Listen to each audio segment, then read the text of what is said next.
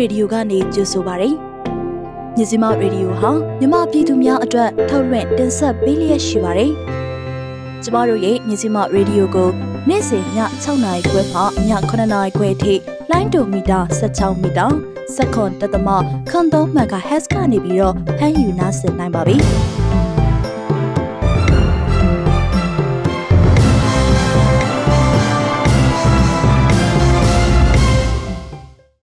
င်္ဂလာပါရှင်မြန်မာနိုင်ငံသူနိုင်ငံသားတွေဘေးကင်းလုံခြုံပြီးစိတ်ချမ်းသာကိုယ်ကျန်းမာစွာဖြတ်သန်းနိုင်ကြပါစေလို့မြစီမရေဒီယိုအဖွဲ့သူအဖွဲ့သားတွေကဆုတောင်းမေတ္တာပို့လိုက်ရပါတယ်ဖေဖိုင်လ9ရက်နေ့စနေနေ့ညမြစီမရေဒီယိုရဲ့သတင်းတွေကိုကျွန်မမှုနဲ့အတူကိုနာနောင်တို့ကပါတင်ဆက်ပေးမှာပါဒီကနေ့ညရဲ့သတင်းတွေထဲမှာကဏီမြို့နယ်ဝင်းမနာရွာတိုက်ပွဲစစ်ကောင်စီတပ်သား25ဦးသေဆုံးပြီး PDF တပ်သား4ဦးကြာဆုံးဆိုတဲ့သတင်း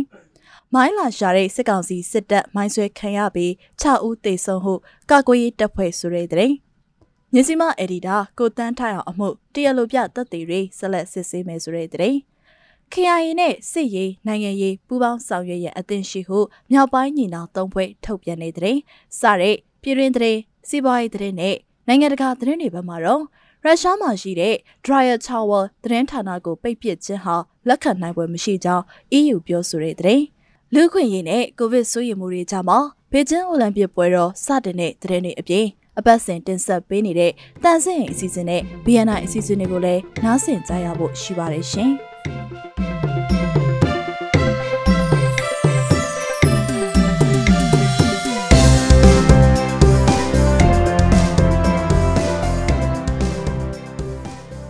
စကိုင်းတိုင်းမြောင်မြို့နယ်နဲ့ ရှောင်းဦးမြို့နယ်တွေမှာမိုင်းရှာဖွေဖို့လာရောက်တဲ့စစ်ကောင်စီတပ်ဖွဲ့ဝင်တွေမိုင်းဆွဲခံရရာ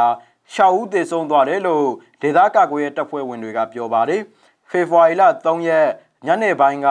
တရှိန်တဲ့နှစ်နေရာမှာမိုင်းဆွဲတိုက်ခိုက်ခံခဲ့ရတာဖြစ်ပြီးစစ်ကောင်စီတပ်ဖွဲ့ဝင်တွေသေဆုံးသွားတဲ့အပြင်ထိခိုက်ဒဏ်ရာရသူတွေလည်းရှိတယ်လို့သိရပါတယ်။ဖေဖော်ဝါရီလ3ရက်ညနေ4:25မိနစ်မှာ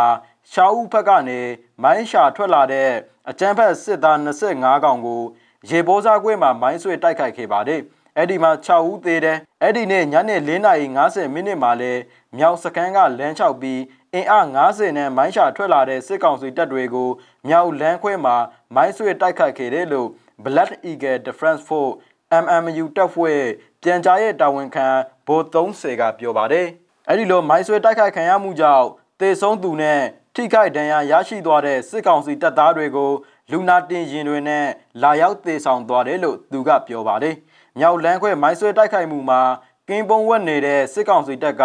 လက်နက်ကြီးလက်နက်ငယ်တွေနဲ့မနာတန့်ပြန်လည်ပစ်ခတ်မှုကြောင့်တိန်းရှောင်ရင်းဒေသကာကွယ်ရေးတပ်ဖွဲ့ဝင်တအုပ်လည်းချက်ထောက်မှာထိခိုက်ဒဏ်ရာရရှိသွားတယ်လို့ဆိုပါတယ်။အဲ့ဒီတိုက်ခိုက်မှုကို Black Eagle Defense Force MMU မြင်းမှုလျှက်စီးပျောက်ကြားတပ်ဖွဲ့ PFA Defense Force မြင်းမူ MMU မြောင်မြို့နယ်ပြည်သူ့ကာကွယ်ရေးနဲ့လုံခြုံရေးအဖွဲ့ CDSOM စတဲ့ညီနောင်မဟာမိတ်၄ဖွဲ့ကပူးပေါင်းလှုပ်ဆောင်ခဲ့တာပါစစ်တပ်ကဒီဘက်မှာအခုနောက်ပိုင်းသူတို့မိုင်းဆွဲမခံရအောင်အဓိကလမ်းတွေမှာကင်းပုံချတာရှိတယ်ကင်းပုံနဲ့မိလို့ဖန်စီတပ်ပြတ်ခံရတာတွေခက်စိတ်စိတ်ဖြစ်လာနေတဲ့စကိုင်းမုံရွာလမ်းမှာကင်းပုံတွေချတာကို ကျွန်တော်တို့ point တွေကတည်တယ်အခြေရဆက်မရှိဘဲလမ်းပေါ်အခြားအဖွဲ့တွေတက်လာရင်မိမှာ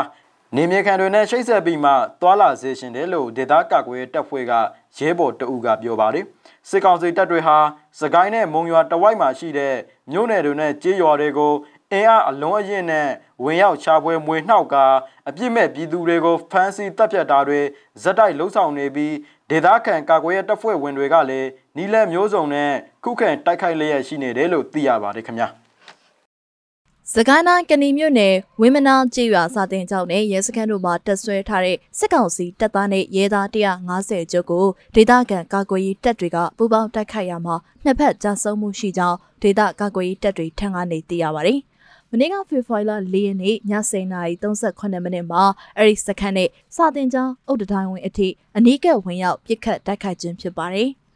ဝင်းမနာရဲစခန်းမှာကအထိုင်ချထားတဲ့ရဲနဲ့စစ်သားအင်အား150လောက်ရှိတယ်။နောက်ထပ်အင်အား100လောက်ရှိတဲ့စစ်ကြောင်းတစ်ခုလည်းထပ်ရောက်လာပြီးရဲစခန်းအနီးကစာတင်ကျောင်းမှာဝင်ပြီးတက်ဆွဲတယ်။ဒါကိုကဏီနယ်နဲ့ရင်းမပင်နယ်ဘက်ဒေသခံပြည်သူကာကွယ်ရေးတပ်တွေကပူးပေါင်းပြီးတိုက်ခိုက်ကြတာပါ။စစ်ကောင်စီတပ်ဖက်ကတော့အတော်များများတိတ်ဆုံးနိုင်တယ်ညချိန်ဆိုတော့အတိအကျတော့မသိရပါဘူးလို့မဟိုယာ Dragon KPDF ပြန်ကြားရေးတာဝန်ခံကပြောပါတယ် တိုက်ပွဲဖြစ်ပွားချိန်နှစ်နာရီနီးပါးအပြန်အလှန်ပစ်ခတ်ခဲ့ကြပြီးတော့ဒေသခံကာကွယ်တပ်ဖက်မှ3ဦးကြဆုံးတယ်လို့သူကပြောပါတယ်။အဲ့ဒီ3ဦးအတွင်းမှာ2ဦးဟာရုပ်အလောင်းပြန်လည်ရရှိခဲ့တယ်လို့တိုက်ပွဲမှာပါဝင်တဲ့တပည့်ရင်ပြည်သူကာကွယ်တပ်ဖွဲ့ဝင်တဦးကပြောပါတယ်။ရဲစခန်းနဲ့စာတင်ကျောင်းအုတ်တတိုင်းဝင်းနဲ့အထိအနီးကပ်ဆုံးစစ်ဆင်ခဲ့ပြီးစစ်ကောင်စီအုပ်စုထဲထိဝင်ရောက်စီးနင်းပစ်ခတ်ခဲ့ခြင်းကြောင့်စစ်ကောင်စီဘက်ကတေဆုံးမှုနဲ့အထိကများပြားနိုင်ပြီး စင်းအတိအကျမသိရသေးဘူးလို့မဟိုယာ Dragon KPDF ကသူတို့ရဲ့လူမှုကွန်ရက်စာမျက်နှာမှာထုတ်ပြန်ထားပါတယ်။ Area 21 Revolution Award ရဲ့ထုတ်ပြန်ချက်မှာဝင်းမ နာနယ်မြေရဲစခန်းပြက်စီးပြီးတော့အကြမ်းဖက်စစ်ကောင်စီအဖွဲ့ဝင်25ဦးသေဆုံးခဲ့ပြီးပြည်သူ့ကာကွယ်ရေးတပ်ဖွဲ့ဝင်4ဦးသေဆုံးပြီး10ဦးထဏ်ရာရရှိခဲ့ကြောင်းရေးသားထားပါတယ်။တိုက်ပွဲချိန်2နာရီကြာပြီးတဲ့နောက်စစ်ကောင်စီတပ်ဖက်ကလေကြောင်းနဲ့တိုက်ခိုက်ဖို့တက်လာကြောင်းသတင်းရတဲ့အတွက်ဒေသကာကွယ်ရေးတပ်သားတွေတက်ဆုပ်ခဲ့ကြတယ်လို့မဟိုယာ Dragon KPDF ပြန်ကြားရေးတာဝန်ခံကပြောပါတယ်။အဲဒီစစ်စင်ရေးကို MDF, KPDF 1, MNK The Blanks တဖဲရင် PDF, Kenny PDF, ရွှေဒရိကန်တက်ရင်ဒေတာရင်မဟာမိတ်ညီနောင်တွေမဟာမိတ်ညီနောင် EAO တွေနဲ့ဒေတာကန်ပြည်သူကာကွယ်ရေးအဖွဲ့တွေတိုက်ခိုက်ခဲ့တယ်လို့ဆိုပါတယ်။အဲဒီတိုက်ပွဲနေရာမှာဒီကနေ့ဖေဖော်ဝါရီလ9ရက်နေ့မနက်မှာစစ်ကောင်စီတပ်ဖက်ကရဟတ်ရင်တစီပြန်ဝဲနေပြီးတော့တိုက်ပွဲဖြစ်ပွားတဲ့ရဲစခန်းနဲ့စာတင်ကျောင်းမှာစစ်ကောင်စီတပ်သားနဲ့ရဲတွေရှိနေသေးတယ်လို့ဆိုပါတယ်။ဝင်းမနာရွာဒေတာကန်တွေထွက်ပြေးတင်းရှောင်နေရတာဟာနှစ်လခန့်ကြာပြီဖြစ်ကြောင်းလည်းသိရပါတယ်။ အခုဆိုရင်ပို့ဆိုတာပေါ့တိုက်ပွဲတွေပြင်းထန်နေတော့အဲ့ဒီရွာအနီးနားကဒေသခံတွေပါအကုန်လုံးထွက်ပြေးတင်းရှောင်နေကြရပါတယ်လို့ဒေသခံတအုပ်ကပြောပါတယ်အခုဆက်လက်ပြီးမြစည်းမအက်ဒီတာကိုတန်းထိုက်အောင်အမှုဒယလိုပြတက်တဲ့တွေကိုဆက်လက်စစ်ဆေးမှာဖြစ်တဲ့အကြောင်းတင်ဆက်ပေးပါမယ်နေပြည်တော်မှာသတင်းရယူနေစဉ်ဖမ်းဆီးခံခဲ့ရတဲ့မြစည်းမသတင်းဌာနအက်ဒီတာကိုတန်းထိုက်အောင်အမှုအတွက် တရလိုပြတက်တဲ့စစ်ဆေးမှုပြည်စည်းတော့မှာဖြစ်ပြီးဆက်လက်စစ်ဆေးဖို့တရလိုပြတက်တဲ့နှစ်ဦးပဲကြံတော့တယ်လို့သူ့ရဲ့အမှုကိုလိုက်ပါကူညီဆောင်ရွက်ပေးနေသူတဦးကပြောပါတယ်။တရလိုပြတက်တဲ့တွေစစ်ဆေးပြီးရင်ကိုတန်းထက်အောင်ဖက်ကခံပြတက်တဲ့တွေကိုတင်သွင်းရမှာဖြစ်ပါတယ်။ဒီအမှုအတွက်ရုံချင်းကိုလာမယ့်အင်္ဂါနဲ့ဖေဖော်ဝါရီလ10ရက်နေ့မှာရှိန်ဆိုထားပြီးဖေဖော်ဝါရီလ9ရက်နေ့ကတော့ကိုတန်းထိုင်အောင်ရဲ့မွေးနေ့လည်းဖြစ်ပါတယ်။ အမှုကိုဇန်နဝါရီလကစတင်ပြီးအပတ်စဉ်အင်္ဂါနေ့တိုင်းစစ်ဆေးနေပေမဲ့ပြီးခဲ့တဲ့အပတ်ကစတင်ပြီးနှစ်ပတ်တစ်ကြိမ်သာရုံးရှိန်ခေါ်ယူစစ်ဆေးနေတာလို့သိရပါတယ်။နေပြည်တော်ဇံပြူသီမြို့နယ်တရားရုံးမှာအမှုကိုစစ်ဆေးနေတာဖြစ်ပြီးတော့ကိုတန်းထိုက်အောင်ကိုတော့နေပြည်တော်အချုပ်ထောင်မှာထိမ့်သိမ်းထားရာကျမ်းမာရေးကောင်းမွန်တယ်လို့သိရပါတယ်။ကိုတန်းထိုက်အောင်ဟာ2021ခုနှစ်မတ်လ19ရက်နေ့ကနေပြည်တော်ဒက္ခဏသီရီတရားရုံးရှိမှာအမျိုးသားဒီမိုကရေစီအဖွဲ့ချုပ် NLD ပါတီ တဘာပတိအဖွဲ့ဝင်ဦးဝင်းထိန်ရုံချင်းသတင်းရယူနေစဉ်အရက်ဝက်ဝက်စင်ထားတဲ့စစ်ကောင်စီတပ်ဖွဲ့ဝင်တွေရဲ့ဖမ်းဆီးမှုကိုခံလိုက်ရတာပါကိုတန်းထိုင်အောင်နဲ့အတူ BBC သတင်းဌာနကသတင်းထောက်ကိုအောင်သူရလည်းဖမ်းဆီးခံခဲ့ရပြီးကိုအောင်သူရကတော့မက်ရှလာ22ရက်နေ့မှာပြန်လည်လွတ်မြောက်ခဲ့ပါတယ်။ကိုတန်းထိုက်အောင်ကိုတို့အာနာသိန်းစစ်ကောင်စီကဆက်လက်ဖမ်းဆီးထားပြီးရာဇသက်ကြီးဥပဒေပုံမှန်905ကကြီးနဲ့တရားစွဲဆိုထားတာဖြစ်ပါတယ်။ အာနာသိန်းကာလတစ်နှစ်အတွင်းအနည်းဆုံးသတင်းသမား140ကျော်ဖမ်းဆီးခံခဲ့ရပြီးပြန်လည်လွတ်မြောက်လာသူ65ဦးနဲ့ဆက်လက်ဖမ်းဆီးခံရသူ52ဦးရှိတယ်လို့အတန်အဖွဲ့ကပြီးခဲ့တဲ့ဖေဖော်ဝါရီလ3ရက်နေ့မှာထုတ်ပြန်ထားပါတယ်ခင်ဗျာ။ ဟင်္ဒရမှာတိုင်းဒေသကြီးလွှတ်တော်ကိုယ်စားလှယ်နှစ်ဦးရဲ့အိမ်တွေအပါအဝင်အိမ်ဆက်တလုံးကိုစစ်ကောင်စီကချိတ်ပိတ်သိမ်းဆည်းလိုက်ပါတယ်။ဟင်္ဒရမြို့နယ် NLD ပါတီမှ2020ခုနှစ်တိုင်းဒေသကြီးလွှတ်တော်ကိုယ်စားလှယ်တွေဖြစ်တဲ့ဦးအေးမင်း၊ဦးခင်စိုးတို့ရဲ့အိမ်နှလုံးနဲ့အင်္ဂပူလမ်းမှာရှိတဲ့လူငယ်တဦးရဲ့ YGB Hotpot အကင်ဆိုင်အိမ်ကိုအပါအဝင်အိမ်မောင်းဆက်တလုံးကိုဖေဖော်ဝါရီလ1ရက်နေ့ကနေ3ရက်နေ့အတွင်းမှာချိတ်ပိတ်သိမ်းဆည်းခဲ့တယ်လို့ဒေသခံတွေကပြောပါတယ်။စိတ်မှာမြို့ပေါ်ရက်ွက်တွေဖြစ်ပြီးတော့တိုင်းလွှတ်တော်ကိုယ်စားလှယ်ဦးခင်စိုးရဲ့အိမ်တလုံးမှာကျေးလက်ဒေတာကဖြစ်တယ်လို့သိရပါတယ်။ CRPH, NUG, CDN, PDF တို့ကိုပတ်သက်တဲ့ထောက်ပံ့နေဆိုပြီးချိတ်ပိတ်တာပါ။မိသားစုတွေအားလုံးလက်လွတ်ဆင်းပေးရတယ်။သူတို့ရဲ့လုပ်ရက်ကလူမဆန်ဘူးလို့မိသားစုဝင်တအုပ်ကပြောပါတယ်။စစ်ကောင်စီတပ်ကလာဖမ်းစေအမတ်ဦးခင်ဝင်းနဲ့လူငယ်နှစ်ဦးအဖမ်းမခံရဘဲလွတ်မြောက်သွားကြောင်း CRPH, NUG, CDN, PDF တို့ကိုပတ်သက် ထောက်ပံ့တယ်လို့ဆွဆွဲခံရသူတွေဟာအသက်30က40အရွယ်ကြားမှာရှိတဲ့လူငယ်လူလက်ပိုင်းတွေဖြစ်တယ်လို့သူတို့နဲ့နှီးဆက်သူတွေကပြောပါတယ်။အခုနှစ်ဇန်နဝါရီလဇန်မိုင်းကလေးက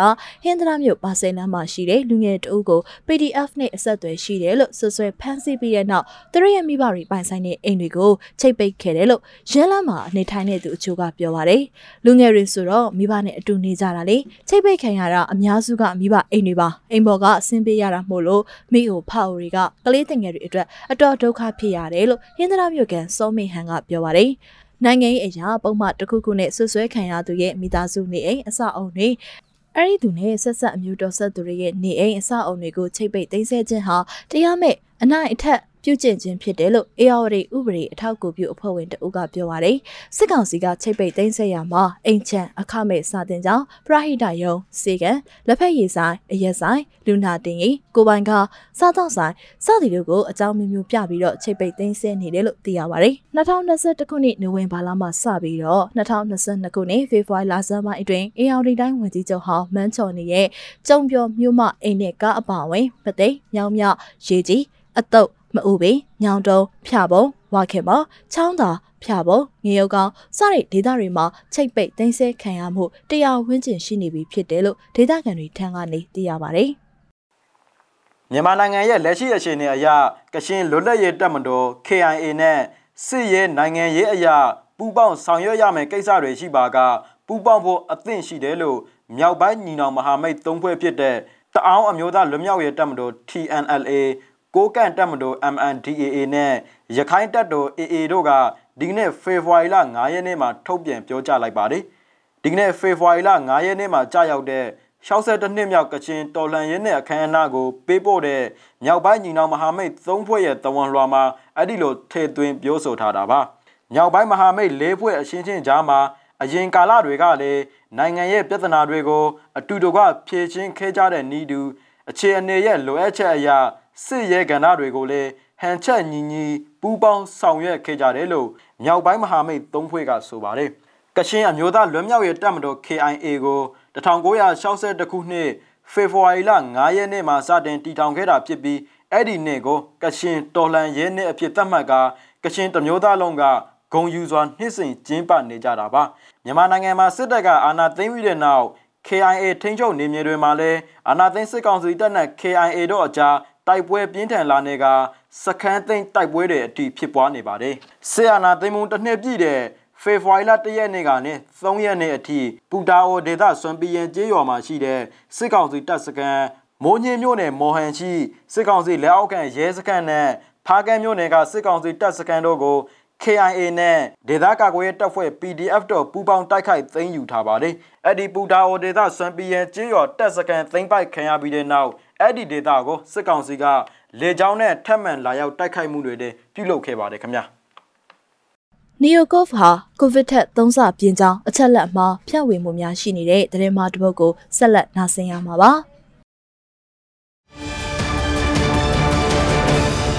တရုတ်နိုင်ငံကလင်းတို့တွေမှာတွေ့ရှိရတဲ့ကိုဗစ်ဗိုင်းရပ်စ်အသစ် Neocov ဟာ COVID-19 ထက်သုံးဆပြင်းထန်ပြီးတော့လူမှာကူးစက်နိုင်ပွဲရှိတဲ့ပြင်းထန်ဗိုင်းရပ်စ်ပိုးဖြစ်ကြောင်းအခုရက်ပိုင်းလူမှုကွန်ရက်စာမျက်နှာမှာရေးသားဖြန့်ဝေမှုတွေရှိနေပြီးတော့အဲ့ဒီချက်လက်ဟာအမှားတာဖြစ်ကြောင်းမျက်စိမှရဲ့သတင်းမှတိုက်ဖြည့်ရေးအစီအစဉ်ကနေတွေ့ရှိထားပါတယ်။ လူအများထိတ်လန့်ပွဲမှားယွင်းတဲ့အချက်လက်တွေကိုရဲနိုင်အမည်ရှိတဲ့ Facebook အကောင့်တစ်ခုကဖေဖော်ဝါရီလ2ရက်နေ့မှာစတင်ဖြန့်ဝေခဲ့ပြီးတော့ COVID-19 မျိုးကွဲတဲ့လူသားတွေကြားကူးစက်လာတဲ့အောင်ရေးသားဖော်ပြထားတာကိုတွေ့ရပါတယ်။ Neo COVID အတည်ပြုလိုက်ပါပြီ။ကမ္ဘာကြီးဘယ်လိုဖြစ်မလဲ data တော့မခံနိုင်ဘူး NeoCov ကြောင့်နောက်တစ်လဆိုရင်နိုင်ငံတိုင်းလိုလိုထုတ်ပြန်ချက်အသစ်ဖြစ်လာမယ်စေယုံနဲ့အကြောင်းတွေဘယ်လိုဖြစ်လာမလဲမတွေ့ရဘူးတဆင့်ထက်တဆင့် ပိုကူပိုပြေးခုခံအောင်ပိုခါလာနိုင်တယ်။ Master လက်စီ6ပေအကွာမလုံလောက်တော့ဘူးဆိုပြီးသတင်းမှဖြန့်ဝေထားခြင်းဖြစ်ပါတယ်။ Airy Post ကိုလူမှုကွန်ရက်မှာတော်တော်ပြန့်နှံ့နေတာကိုတွေ့ရပါတယ်။ဒါနဲ့ပတ်သက်ပြီးတော့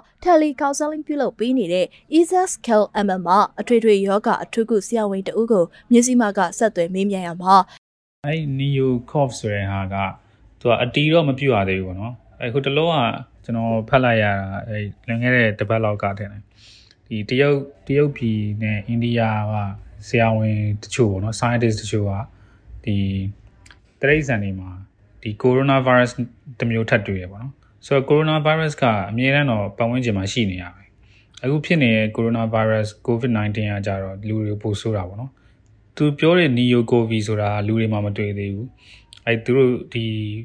လင်းတို့တွေမှာတွေ့ရပေါ့နော်လင်းတို့တွေမှာစပြီးတော့တွေ့တယ်လို့ပြောတယ်သူကလူတွေစီကိုရောက်လာလို့ရှိရင်တော့ အခုဖြစ်နေတဲ့ covid ထပ်ပိုးပြီးတော့သူကူးစက်နိုင်တယ်ပိုပြန်ပြန်ဆန်ကူးစက်နိုင်တယ်ပိုသေးနိုင်တယ်ဆိုပြီးတော့ပြောတယ်ဒါပေမဲ့လူတွေကိုကူးတဲ့ဟိုအထောက်ထားတစ်ခုမှတော့မတွေ့သေးဘူးဆိုတော့ဒီဥစ္စာနီယိုကိုဗီကိုသူပြောထားတာအတီးပြုတ်လိုက်တယ်ဆိုတာကတော့အတီးတော့မပြုတ်သေးဘူးဆိုတော့အတီးတော့မပြူသေးဘူးဒါပေမဲ့တရိษံတွေမှာအဲ့ buds မှာလင်းတို့တွေမှာစပြီးတော့လောလောဆယ်တွေ့နေရပေါ့နော်လောလောဆယ်အတီးပြုတ်ထားတဲ့ဟာကြတော့ omicron ဟို covid ရဲ့မျိုးကွဲ omicron omicron ကနေထပ်ကွဲအဲ့ BA1 BA2 ဆိုပြီးတော့လည်းမျိုးရှိရပေါ့နော်အဲ့ဒါလေးတွေတော့ပြောလို့ရတယ်ဟို neo covid ဆိုပြီးတော့အတီးပြုတ်ထားမျိုးတော့မရှိသေးဘူးဒါအပြင် NeoCov ကိုဗစ်မျိုးကွဲသစ်တစ်မျိုးကိုလင်းတို့အချို့မှာတွေ့ရှိခဲ့ရကြောင်းဇန်နဝါရီလ29ရက်နေ့ကနိုင်ငံတကာသတင်းမီဒီယာတွေမှာပြန့်နှံ့ခဲ့ပါတယ်။နိုင်ငံတကာမီဒီယာတစ်ခုဖြစ်တဲ့ Reuters သတင်းဌာနက NeoCov ကိုဗစ်မျိုးကွဲအကြောင်းအချက်အလက်စစ်ဆေးထားတဲ့ Fast Checks သတင်းမှာ အဲ့ဒီ virus ပိုးမှာ2023ခုနှစ်ကတည်းကအဆိုပါမျိုးကွဲကိုတွေ့ရှိပြီးဖြစ်ကြောင်းဂျာမနီနိုင်ငံတက္ကသိုလ်ပေါမောက္ခတဦးရဲ့ပြောကြားချက်ကိုကိုးကားဖော်ပြထားပါတယ်။ Writer ရဲ့ဖော်ပြချက်အရ Neocov လို့ခေါ်ပြီးတော့ကူးစက်မှုနှုန်းမြင့်မာပြီးလူသေဆုံးစေနိုင်တဲ့ coronavirus မျိုးစစ်တစ်ခုကိုတရုတ်သိပ္ပံပညာရှင်တွေကတွေ့ရှိထားခဲ့တဲ့ဆိုပြီး social media မှာပြောဆိုနေမှုတွေကမှားယွင်းလွဲချော်နေတဲ့အကြောင်းရင်းတွေသာဖြစ်ပါတယ်။ virus ဟာလင်းတို့တွေမှာသာတွေ့ရှိထားပြီးတော့မကြသေးခင်ကစာရန်တရအရာ အကယ်၍နီယိုကော့ဖ်ကတရေပြောင်းမှုတစ်ခုဖြစ်ပါကအဲ့ဒါဟာလူသားတွေစီကနေတဆင့်ကူးစက်နိုင်သလားဆိုတာကိုစောင့်ကြည့်လေ့လာခြင်းလို့ဖော်ပြပါတယ်။ အဲ့ဒါဟာလူသားတွေစီကိုတဆင့်ကူးစက်နိုင်သလားဆိုတာကိုစောင့်ကြည့်လေ့လာခြင်းဖြစ်တယ်လို့ဖော်ပြထားပါတယ်။ Neocov ဟာလင်းနုမျိုးစိတ်တစ်ခုကိုကူးစက်တဲ့ coronavirus တစ်မျိုးဖြစ်ပြီးတော့အဲ့ဒါဟာ Markov virus တစ်မျိုးနဲ့အနည်းဆက်ဆုံးပတ်သက်နေတယ်လို့ယူဆရကြောင်း2023ခုနှစ်နောက်ပိုင်းသိပ္ပံပညာရှင်တွေရဲ့လေ့လာမှုတွေအရသိရပါတယ်။အခုလက်ရှိချိန်ထိတော့ဒီ Neocov ကလင်းတို့တွေထက်လူသားတွေဒါမှမဟုတ်အခြား trace ဆန်တွေစီကူးစက်ထားခဲ့တဲ့ဆိုတဲ့အထောက်အထားမရှိပါဘူး။ဒါအပြင်လက်ရှိရရှိထားတဲ့ data တွေအရ Neocov ဟာလူသားတွေကိုမကူးစက်နိုင်ပါဘူးလို့ဂျာမနီရဲ့တက္ကသိုလ်တစ်ခုရဲ့ပြောရေးဆိုခွင့်ရှိသူမန်နူလာဇင်းစ်ကရိုက်တာကိုအီးမေးလ်ကနေပြောပါတယ်။လူသားတွေကို Neocov ကူးစက်တယ်ဆိုတာထင်ကြီးပေးမှန်းဆမှုတသက်ဖြစ်ပြီးတော့ရရှိနိုင်တဲ့ data တွေအပေါ်မူတည်ပြီးဒီလိုကူးစက်မှုတွေကိုတွက်ဆလို့မရနိုင်ပါဘူးလို့သူကပြောပါတယ်။ အဲ့ဒီလိုတွေးရှိချက်တွေနဲ့ဆရာဝန်ရဲ့ပြောပြချက်တွေအရလက်ရှိပြန့်နှံ့နေတဲ့ COVID မျိုးကွဲသည့် Neocov ဟာလူတွေစီကူးစက်ခြင်းမရှိသေးဘဲနဲ့လင်းတို့တွေမှာသာတွေ့ရတဲ့ကိုရိုနာမျိုးစိတ်သစ်ဖြစ်ကြောင်းအသိပေးဖော်ပြလိုက်ပါတယ်။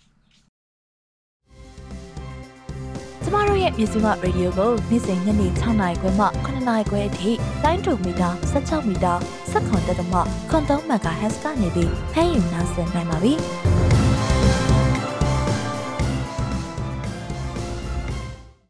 ပြည်ရင်းသတင်းတွေကိုတင်ဆက်လို့ပြပါပြီ။စီးပွားရေးသတင်းတွေကိုတင်ဆက်ပေးပါတော့မယ်။မက်ရွှေကြီးကပြောပြပေးမှာပါရှင်။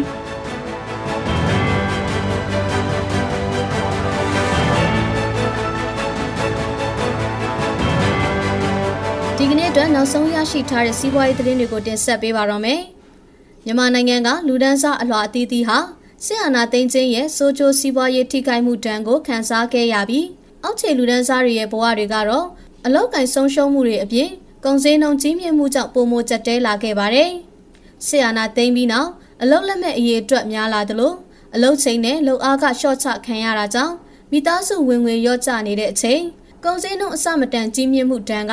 ပြည်သူလူထုရဲ့နေ့စဉ်ဘဝအပေါ်ဖီကြီးရိုက်ခတ်လာစေပါတယ်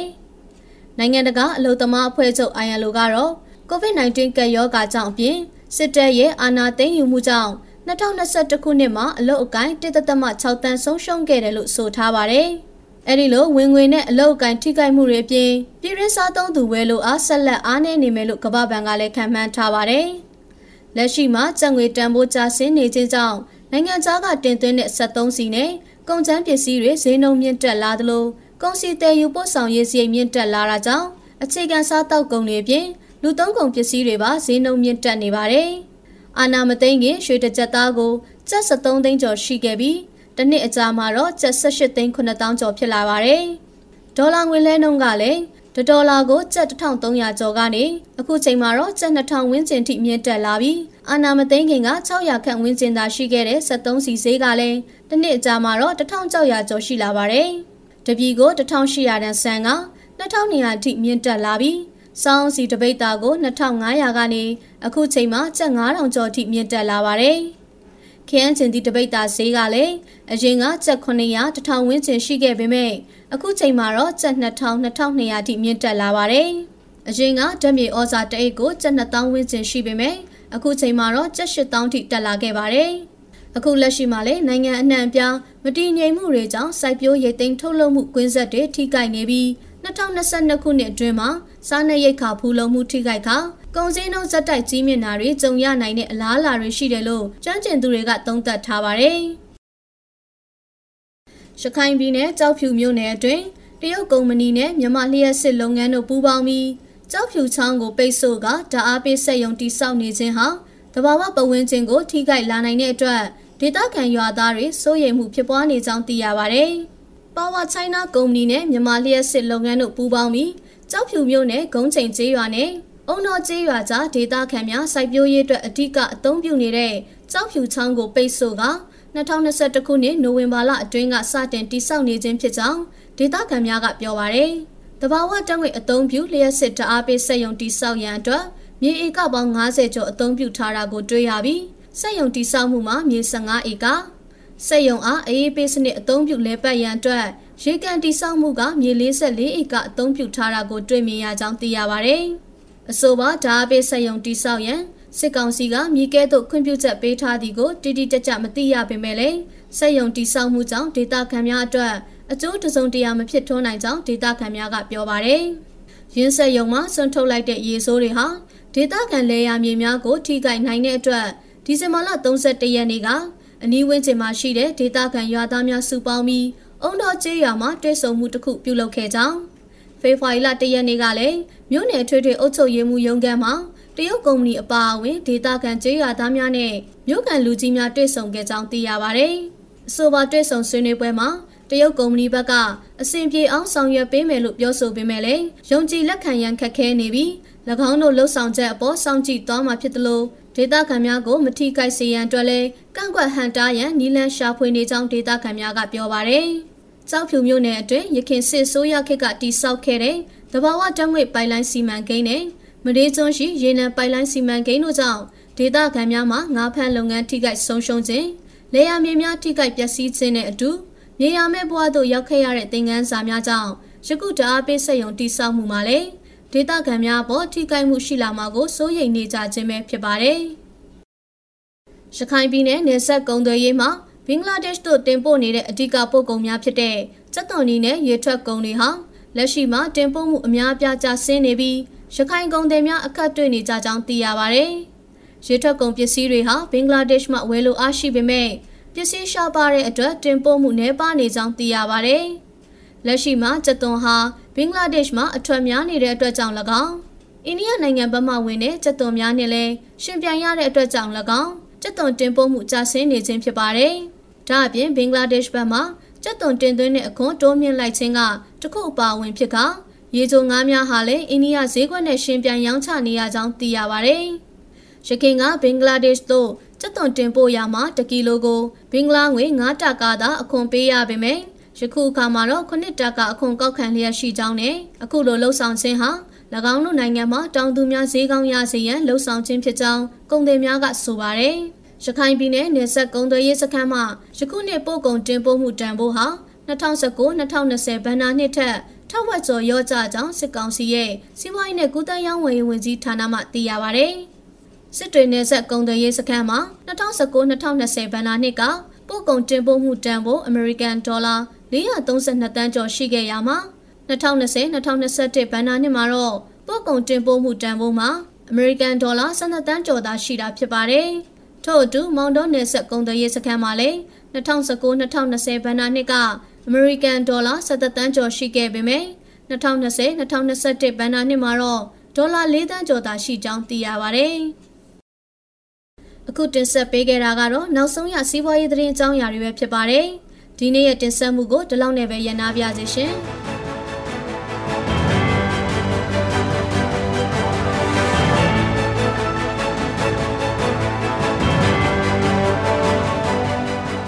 စီးပွားရေးသတင်းတွေကိုနားဆင်ကြရတာပါဆက်လက်ပြီးနိုင်ငံတကာသတင်းတွေကိုတော့ကိုနေဦးမောင်ကပြောပြပေးမှာပါ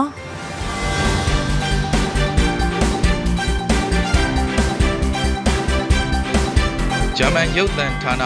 ဒူရှေဝဲလ်ဘျူရိုကိုပိတ်ပစ်ဖို့ရုရှားရဲ့ဆုံးဖြတ်ချက်ဟာလက်ခံနိုင်ပေါ်ရာမရှိကြောင်းနဲ့ဆိုးရွားတဲ့လုပ်ရတစ်ခုဖြစ်ကြောင်းဖေဖော်ဝါရီလ၄ရက်တောက်ကြနေ့မှာ EU ကပြစ်တင်ရှုံချလိုက်ပါတယ်။ ရုရှားနိုင်ငံမှာရုပ်သံလိုင်း RT ရဲ့ဂျာမန်ဘာသာစကားနဲ့ထုတ်လွှင့်တဲ့ channel ကိုပိတ်ပင်တားမြစ်ခြင်းအတွက်ဘာလင်ကိုလက်တုံ့ပြန်တဲ့ဒီလိုရက်ဟာစိတ်မကောင်းပွေရာ၎င်းတို့ရဲ့မီဒီယာလွတ်လပ်ခွင့်အပေါ်အဆက်မပြတ်ချိုးဖောက်မှုနဲ့လစ်လျူရှုခြင်းတွေကိုနောက်တစ်ပံပြုလုပ်လိုက်တာဖြစ်တယ်လို့ EU ရဲ့နိုင်ငံသားရေးဌာနပြောခွင့်ရပီတာစတန်တို့ကသတင်းတောက်တွေကိုပြောကြားခဲ့ပါတယ်။ ယူကရိန်းနယ်စပ်မှာရုရှားတပ်ဖွဲ့ဝင်တွေအမြောက်များချထားမှုအပေါ် EU နဲ့ American တို့ကစိုးရိမ်နေပြီးအနောက်အုပ်စုနဲ့ရုရှားအကြားတင်းမာမှုတွေမြင့်တက်နေချိန်မှာအခုလိုသတင်းဗျူရိုကိုပိတ်ပစ်လိုက်ခြင်းကနောက်ထပ်ရန်စကျူးကျော်မှုရဲ့ကနဦးခြေလှမ်းဖြစ်လာနိုင်ပါတယ်။ အာဒီရုပ်သလိုင်းကိုဘာလင်မှာပိတ်ပင်လိုက်ခြင်းကဂျာမနီမှာထုတ်လွှင့်ဖို့တရားဝင်လိုင်စင်မရှိခြင်းကြောင့်ဖြစ်ပြီးရုရှားမှာရှိတဲ့ Deutsche Welle သတင်းဗျူရိုနဲ့လုံးဝသက်ဆိုင်ခြင်းမရှိကြောင်းစတန်ဒိုကပြောကြားခဲ့ပါတယ်။ EU အနေနဲ့ရုရှားမှာရှိတဲ့ Deutsche Welle သတင်းဌာနနဲ့၎င်းရဲ့ဝန်ထမ်းများနဲ့အတူစီးလုံးညီညွတ်စွာရပ်တည်နေကြောင်း၎င်းကပြောကြားခဲ့ပါတယ်။ကျွန်တော်တို့အခြေအနေကိုအနည်းကစောင့်ကြည့်နေပါပါလို့၎င်းကဆိုပါတယ်။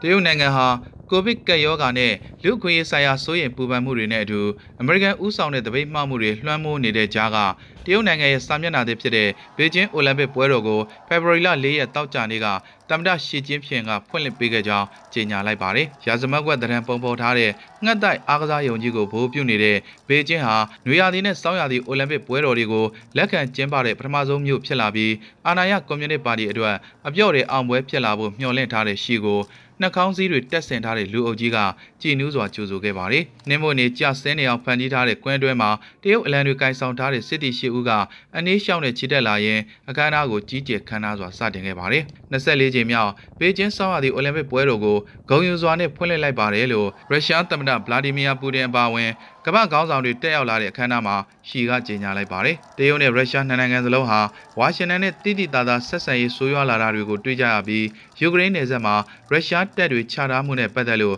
တင်းမာမှုတွေမြင့်တက်လာနေတဲ့အချိန်မှာပဲပူတင်က၎င်းရောက်ရှိနေတဲ့အေရှင်ရဲ့စစ်မှန်လေးနက်တဲ့သဘောထားပေါ်ချီးကျူးပြောဆိုခဲ့ပါတယ်။ American ပြည်တယ်ကနေဒါနဲ့ Australia တို့ဟာတရုတ်ရဲ့လူ့အခွင့်အရေးဆိုင်ရာမှတ်တမ်းတွေ အထူးသဖြင့်ရှင်ကျန်းဒေသရှိမွတ်စလင်ဝီဂါလူနည်းစုအပေါ်ကျူးလွန်မှုတွေအတွက်တန်တမာရေးအရာတပိတ်မှောက်ခဲ့ကြပါတယ်။ဒါပေမဲ့၎င်းတို့ရဲ့အားကစားသမားတွေကတော့ဖေဖော်ဝါရီလ20ရက်အထိအောင်ကျင်းပမယ့်အားကစားပြိုင်ပွဲတွေမှာပါဝင်ရှင်ပြိုင်ဖို့အတွက် virus ကာကွယ်နိုင်အောင်ဒီဇိုင်းထုတ်ထားတဲ့ကြီးမားတဲ့အပိတ်ကွင်းဘူပေါင်းအတွဲမှာရောက်ရှိနေကြပါတယ်။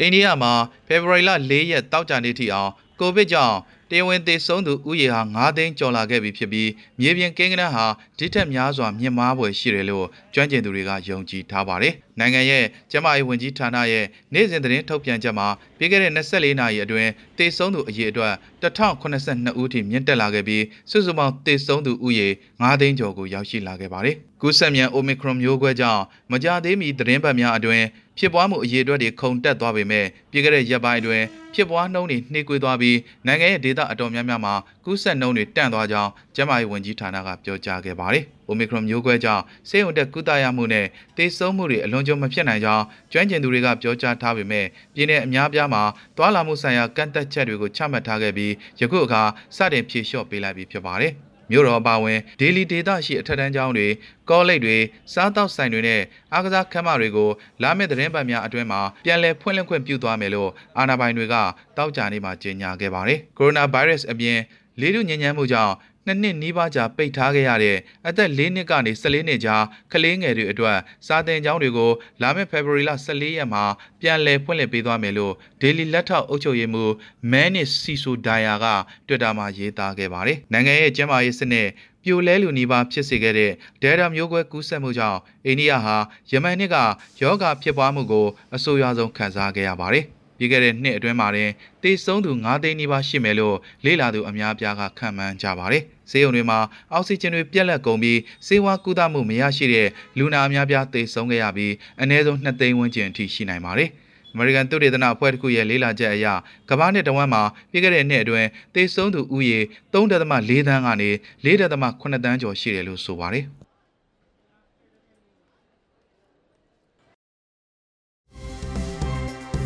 မတို့ရဲ့မြစီမရေဒီယိုကိုနေ့စဉ်ညနေ6နာရီခွဲမှ9နာရီခွဲအထိတိုင်းတူမီတာ16မီတာ7.3တက်မှခွန်3မဂါဟက်စ်ကနေပြီးဖမ်းယူနိုင်နိုင်ပါပြီ။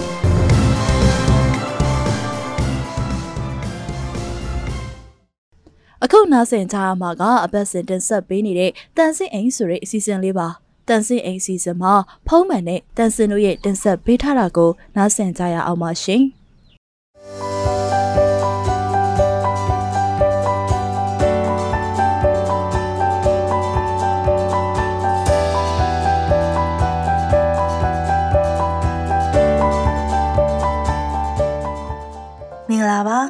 ချစ်တို့ရဲ့လေးလိုင်းပေါ်အတိုင်မြင်ပေါ်ရင်ဖွင့်ပေါ်လေးတန်စင်ပါ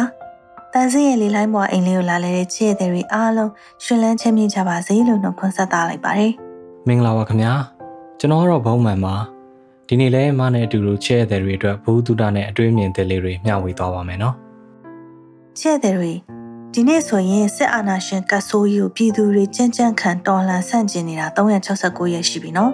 ပထမဆုံးအနေနဲ့ တော်လှန်ရေးနှစ်ပတ်လည်တဲ့2022ခုနှစ်ဖေဖော်ဝါရီလ1ရက်နေ့ကအတန်တိတ်လူထုအာဏာဖီဆိုင်ရေးတပိတ်မှာပြည်လုံးကျွပါဝင်ခဲ့ကြတဲ့သူတွေအားလုံးကိုကျေးဇူးတင်တဲ့အကြောင်းပြောချင်ပါတယ်။ကျွန်တော်ကဒီတစ်ခေါက်အတန်တိတ်တပိတ်ကိုဒီလောက်အောင်မြင်အောင်လုပ်နိုင်ခဲ့ကြတာကိုတကယ်ကိုဂုဏ်ယူမိတယ်။ဆရာနာရှင်တွေကပြောလို့မကုန်နိုင်တဲ့ရက်ဆက်တဲ့နှီးပေါင်းစုံတွေတုံးလဲပြည်သူတွေကမတရားအုပ်ချုပ်မှုကိုလုံးဝလက်သက်မခံတော့ဘူးဆိုတာကိုအရင်တစ်ခေါက်တုန်းကလည်းအတန်တိတ်တပိတ်တွေကနေတစင်တိုင်းကျော်ပြည်ကျော်ကဘာကျော်အတိပေးပြီးသားလေ။ ဒီတော့ဆရာနာရှင်ဘက်တော်သားတွေကဒီတစ်ခါလေးကျွန်တော်တို့အတန်လေးတပိတ်ထပ်ပြီးတော့အောင်မြင်လို့ရှိရင်တစ်ခါထပ်ပြီးအဆက်ကွဲမှာဟိုတော်တော်ကိုကြောက်နေရှာကြတာနော်ပွဲတွေအတင်းတော့ရတာနဲ့လမ်းပေါ်မှာကားတွေသွားနေအောင်အမိတ်နဲ့ပတ်မောင်းခိုင်းရတာနဲ့ရုံသွားရမယ်ဆိုင်ဖွင့်ရမယ်ဆိုပြီးတော့အတင်းကျပ်လက်မှတ်ထိုးခိုင်းတာနဲ့နီးမျိုးစုံကိုလုပ်နေကြတာဒီလိုအခြေအနေမှာအောင်မြင်အောင်လုပ်နိုင်တာကိုတကယ်ကိုဂုဏ်ယူတယ်သိလားဟုတ်တယ်တန်စစ်အသည့်ဆိုင်ပိုင်ရှင်တယောက်ဆိုရင်လေစစ်သားတွေအတင်းကျပ်ဆိုင်လာဖွင့်ခိုင်းလို့တကားဖွင့်ထားပေမဲ့ဆိုင်မခင်းမဲထိုင်နေလိုက်တယ်တဲ့ တည်င်းထဲမှာလည်းတွေ့တယ်ကြက်တကောင်ပဲရောင်းနေတာရောင်းနေကြဟင်းနေတခုမှမရှိပဲအိုးတွေခွက်တွေထဲမှာစာရွက်နဲ့ပဲရေးပြီးတော့ထည့်ထားတာတွေကြည့်ပြီးတော့တန်စင်တို့ပြည်သူတွေဖြတ်ထိုးညံကောင်းလိုက်တာလို့ပြောမိတယ်ဆရာနာရှင်တွေကသွေးဦးသွေးတန်းနဲ့ပိတ်ပင်ချင်းကြောက်တဲ့ကြားကနေပြီးတော့ညံရှိရှိနဲ့အာနာဖီဆန်မှုပြုခဲ့ကြတာတကယ်ကိုတမိုင်းကပြေးတင်စရာပါပဲအထူးသဖြင့်နေ့စဉ်ဝင်ငွေကိုစတေးပြီးတော့ပါဝင်ပေးကြတဲ့ပြည်သူတွေရဲ့အင်အားဒီတော်လိုင်းရေးမှာအခရာကြတယ်ဆိုတာအတိမတ်မပြူဘဲကိုနေလို့မရဘူးဒါပေါ် ပြည်သူတွေကတနေ့စာဝင်ငွေတင်ရင်းပြီးတော့ပါဝင်တာမဟုတ်ဘူးနော်အာနာယူတွေကစိတ်မထင်ရင်မထင်သလိုတရားမရှိဥပဒေမရှိလာပြီးတော့ဖန်စီလူရက်ဖြတ်စည်းမဲ့အနေရောပါရင်ဆိုင်ပြီးတော့ပါဝင်ပေးခဲ့ကြတာဒါဟာကြောက်စိတ်ထက်မတရားတာကိုမခံတော့ဘူးဆိုတဲ့ပြည်သူတွေရဲ့စန္ဒကတတိတွေကိုမွေးထုတ်ပေးလိုက်တာပဲဟုတ်တယ်အမရဲ့ဒီနိုင်ငံမှာကျွန်တော်တို့တွေတသက်အလုံးစစ်တပ်အာဏာမြဲဖို့တခုပဲရည်ရွယ်ပြီးတော့ အကုန်လုံးစနစ်တကျဖျက်ဆီးခံထားရတဲ့လူမှုစနစ်ကြီးထဲမှာကြီးပြင်းခဲ့ကြရတာလေနိုင်ငံရဲ့အခြေခံဥပဒေစနစ်ကနေစပြီးတော့ပညာရေးစနစ်ရုံးစနစ်ဟိုးနောက်ဆုံးကိုရင်းကိုဆိုင်ကိုခုံကိုပေးပြီးတော့ဈေးအောင်စားဖို့နေရာငှားတဲ့စနစ်လိုမျိုးမှာတောင်မှအာဏာရှိတဲ့သူတွေပဲအသာစီးရအောင်လို့စနစ်တကျဖျက်ဆီးထားခဲ့ကြတာဟိုတလောက Facebook ထဲမှာခေတ်စားခဲ့တဲ့စာပိုင်လေးတစ်ခုလိုပဲပေါ့မိပြက်ပြီးတော့ပြန်လာရင်ပြောရအစိုးရရုံးသွားလို့စီးမမရလို့ရှိရင်လည်းပြောရအင်တာနက်လေးနည်းနည်း speed တက်လို့ရှိရင်ပဲပြောရနဲ့ အပျော်အတုတွေနဲ့ပဲလူဖြစ်လာကြရတာဟုတ်ပါအခုဆိုလို့ရှိရင်ပိုတောင်ဆိုးသေးတယ်ကိုဆိုရှယ်မီဒီယာမှာကို့အတွေးမြင်ကိုတင်ထားပြီးလို့ကို့အိမ်နဲ့လာဖမ်းမဲ့သူမရှိရင်ကိုပဲပျော်ရတယ်အပြင်သွားလို့အစ်စ်မခံရရင်ပဲအိမ်ပြန်ရောက်ရင်ပျော်ရကန်ဆိုးလို့အစ်စ်ခံရရင်တော့ပြဿနာမရှာပဲလှုပ်ပေးလိုက်တာကိုပဲပျော်ရအမလီကိုထမင်းကိုစားပြီးတော့နေတာစားတာသွားတာလာတာကအစအစ်စ်အမှန်ဆိုတာဘယ်မှာတော့ဒီတစ်ခါအတန်တိတ်တပိတ်က ဒီလိုလူဖြစ်ရှုံးနေတဲ့ဘဝကနေမရရအောင်ရုံထွက်မယ်ဆိုတဲ့ပြည်သူတွေရဲ့တတိကိုပြလိုက်တာပဲဒီအကြောင်းကနိုင်ငံတကာသတင်းတွေမှာလည်းဝေဝေဆဆပါလာတယ်လူသွားလူလာမရှိပဲကားတွေရှင်းနေတဲ့ရန်ကုန်မြို့တဲကိုနိုင်ငံတကာသတင်းတောက်တွေကိုယ်တိုင်လှည့်ပတ်ရိုက်ထားတဲ့ဗီဒီယိုတွေနဲ့ကိုတတ်သိပြနိုင်တာလက်နက်မဲ့တွေရဲ့အတန်မဲ့အော်ရဲ့တန်တွေဟာစကလုံးတွေထဲအကျယ်ကြီးရိုက်ခတ်နိုင်တယ်အာနာရှင်တွေကဒါတွေကိုအရန်ကြောက်တယ်ဆိုတော့ဒီတစ်ခါလဲနိုင်ငံတကာသိသွားပြန်ပြီ NLD တို့ NUG တို့ကလေလံကနေသွေးထိုးပြီးလို့လိုက်လို့ရပါတယ်ဆိုတော့အာနာရှင်ဘက်တော်သားကြီးတွေရဲ့ဆွဆွဲချက်ကရည်စရာကြီးပါဗျာဒီတော်လိုင်းကြီးကပြည်သူတွေအားလုံးနဲ့သက်ဆိုင်တဲ့တိုက်ပွဲလူဖြစ်ရှုံးတဲ့ဘဝကြီးကိုပြောင်းကျင်လို့ကျွန်တော်တို့အားလုံးကိုစီတန်ဖို့အစွမ်းကုန်သုံးချပြီးတော့ကြာရနေရနေပါဝင်နေကြတာဒီလိုပြည်သူတွေစီကတညီတညွတ်ထဲထွက်လာတဲ့တိတ်ဆိတ်တဲ့ကြွေးကြော်တန်တွေကအာနာရှင်တွေအတွက်တော့မိစ္ဆာနှင်တန်လို့ဖြစ်နေမှာအသေးချာပဲမိစ္ဆာနှင်တန်ဆိုလို့ သူ့တေတီကိုရဲကဆရာဦးညွန့်မြရေးခဲ့တဲ့နတ်ပူဇော်တဲ့ဒလေးဟာအာနာရှင်တွေကိုနိုင်ယာနီးနဲ့ရအောင်ဆန့်ကျင်တာဆိုတဲ့အဆိုကိုညွှန်ပြီးစိတ်ဝင်စားစရာအတွေးအမြင်လေးတစ်ခုသူ့ရဲ့ social media ပေါ်မှာရေးထားခဲ့တာကိုသတိရမိတယ်။အရင်အတန်တိတ်တပိတ်တွေတုန်းကတင်ခဲ့တာလေ။တန်စင်တို့တူတူဖတ်ကြည့်ရအောင်နော်။မြန်မာတွေဟာအင်မတန်မှဆိုးရုပ်ရက်ဆက်ပြီးမျက်မှန်ပြင်းတဲ့မင်းတွေနဲ့တမိုင်းတစ်လျှောက်ကြုံခဲ့ရတယ်။ ဒီပြင်တွေကသူတို့ရဲ့ပြည်သူတွေကိုညှဉ်းနှီးပေါင်းစုံရက်ဆက်နီးအဖုံဖုံနဲ့ညှဉ်းပန်းနှိပ်စက်ရက်ဆက်တပ်ဖြတ်ခဲ့ကြတာတွေရှိတယ်။ဒါပေမဲ့ပြည်သူတွေဟာဒီလိုရက်ဆက်ညှဉ်းပန်းတဲ့ဘရင်တွေကိုသူတို့နိုင်ရနိုင်ရနီးတွေနဲ့ဆန့်ကျင်လေးရှိကြတယ်။အဲဒီလိုဆန့်ကျင်ရမှာနတ်ပူဇော်တာကလည်းဆန့်ကျင်နည်းတစ်ခုလို့ဆရာညုံများကရေးဘူးတယ်။ရှေးခေတ်ကတအုပ်ဆံမိုင်းတအုပ်ရဲ့ရက်ဆက်မှုရန်ကားမှုကိုနတ်စနစ်ဖြင့်သာနိုင်နှင်းစွာတော်လန်ဆန္ဒပြနိုင်ခဲ့ကြတယ်မဟုတ်လား။ တအုပ်ဆံမိုင်းဘရင်တွေကမညာမတာရက်ဆက်စွာတက်လူသူကိုလွတ်လပ်စွာတတ်နိုင်ပါတယ်။သို့တော့တေဆုံးသူကိုတိုင်းပြည်လူထုကနတ်အဖြစ်တင်မြှောက်ပူဇော်ပသကြတဲ့အခါမှာအဲ့ဒီရှင်ဘုရင်ဟာရာဇဝင်အဆက်ဆက်အဖက်ဆယ်မရအောင်နာမည်ပြတ်ပြီးငါးပါးမှောက်ရတော့တာပါပဲလို့ဆရာညူများကရေးပါတယ်။အဲ့ဒီရှင်ဘုရင်မျက်မှောက်မှာလူထုကနဂနာပေးတယ်။နတ်ကိုတနာစရာကောင်းကြောင်းတက်သူတွေကတရားလွန်ကြောင်းကိုအတိအလင်းဖွဲ့ဆိုပြောကြတယ်။ရာဇာမင်းများ တနာငယ်မှမညာမဲကားထောက်လျင်ရောက်ဖပါလို့မကြငယ်မှမြတ်မြိုက်မဲမောင်ကြီးကိုမီးနှင်တိုက်လို့ဆိုတဲ့မောင်တင့်တဲ့နှမတော်ကြီးရှင်ထွေးလာရဲ့နတ်တန်တွေအုံနှစ်ချက်ကင်းနဲ့ဓာသက်ကိုယ်တွေခံရတယ်။တို့ညီနောင်နှစ်ကိုယ်တွေဝမ်းနေလှတယ်ဆိုတဲ့တောင်ပြုံးမင်းညီနောင်ရဲ့နတ်တန်လေးတွေမင်းများဧကရစ်မန်တော်ရစ်လို့ပြစ်တော်ပေးသည်ဆိုတဲ့အောင်စွာငယ်နတ်တန်တွေဟာဘရင်တွေရဲ့ရက်စက်မှုကို လူထုကရှုတ်ချတဲ့အာနာဖီဆန်တန်တွေပဲဖြစ်ပါတယ်။နတ်ကိုကနာပေးပြီးပူဇော်ပသတာတွေလုပ်ကြတော့ဘရင်လည်းဘာမှမတတ်တာဘူးအဲ့လိုပဲခေအဆက်ဆက်ရာဇဝင်အဆက်ဆက်မင်းမဟာဂီရီမောင်နှမအကြောင်းတွေရွှေပြင်းညီနောင်မင်းအောင်စွာရွှေစစ်တင်ရွှေစကားတို့အကြောင်းတွေဟာနတ်ချင်းနတ်တန်နတ်ပွဲတွေကနေတဆင့်ဘရင်တွေရဲ့စိုးရုံညစ်မာမှုကိုလက်ဆင့်ကမ်းတည်လာကြတယ်။ကြောက်စာဆိုရင်ရိုက်ချိုးဖြတ်လို့ရကောင်းရမယ်။ ရိုးရဂီတပွဲလန်းကနာနဲ့လူလူကြားမှာလက်ဆင့်ကမ်းတည်ဆောင်လာတော့ဖြောက်ဖြတ်လို့မရဘူး။မြမတွေဟာမေ့လွယ်ပျောက်လွယ်ပြီးပြီးရောလို့တချို့ကမြင်ကြတယ်တကယ်တော့မြမတွေဟာအမှတ်သေးချေကြီးတယ်လို့မြင်တယ်။မုံရင်ရိုးရအစင်လာထဲမှာမှတ်ပြီးတော့ကိုမုံတယ်။အဲဒီတော့ပြည်သူတွေမုံပြီဆိုရင်ဆရာညွန်မြပြောသလိုရာဇဝင်အဆက်ဆက်အဖတ်ဆယ်မရအောင်နာမည်ပြက်ပြီးငါးပါးမှောက်ပြီးသားမှတ်ပြီးရောပဲ။ ချဲ့တယ်တော့ဘလို့မြင်ကြလဲ။ကျွန်တော်ကတော့ပြည်သူတွေအမှတ်သေးချေကြီးတတ်တယ်ဆိုတာတဲ့ပေးလာတဲ့အခြေအနေပေါ်မှာမူတည်ပြီးတော့ရလဒ်အကောင်းဆုံးဖြစ်လာအောင်တီထွင်ဖန်တီးမှုညံပြည့်နဲ့လှုပ်တတ်ကြတယ်လို့ပဲမြင်ပါတယ်အခုပြီးခဲ့တဲ့အတန်လေးတစ်ပိတ်ကလည်းအဲ့ဒါကိုတက်တည်ပြနေရပဲလေနောက်ပြီးတန်စင်တို့မြန်မာပြည်သူတွေဟာဘာတိဘာသာအေးစစ်စစ်နေတတ်ကြလို့လှုပ်ချင်တာလှုပ်လို့ရမယ်လို့ထင်တတ်ကြပေမဲ့မတရားလှုပ်တိုင်းထိုင်ခံနေမဲ့သူတွေတော့မဟုတ်တာသိကြတယ်ရှေးခေတ်ကအမင်းဆိုးတွေမပြောနဲ့လေ တိုးတက်လာပါတယ်ဆိုတဲ့နိုင်ငံကြီးတွေကကိုလိုနီစနစ်တို့ဖက်ဆစ်စနစ်တို့နဲ့လာအုပ်ချုပ်တာတော့ရအောင်တော်လှန်ခဲ့ကြသေးတာပဲလीနော်ခေတ်သစ်ဖက်ဆစ်စစ်တပ်ကိုလည်းကိုခွန်အားနဲ့ကိုအနိုင်တိုက်ကြမယ်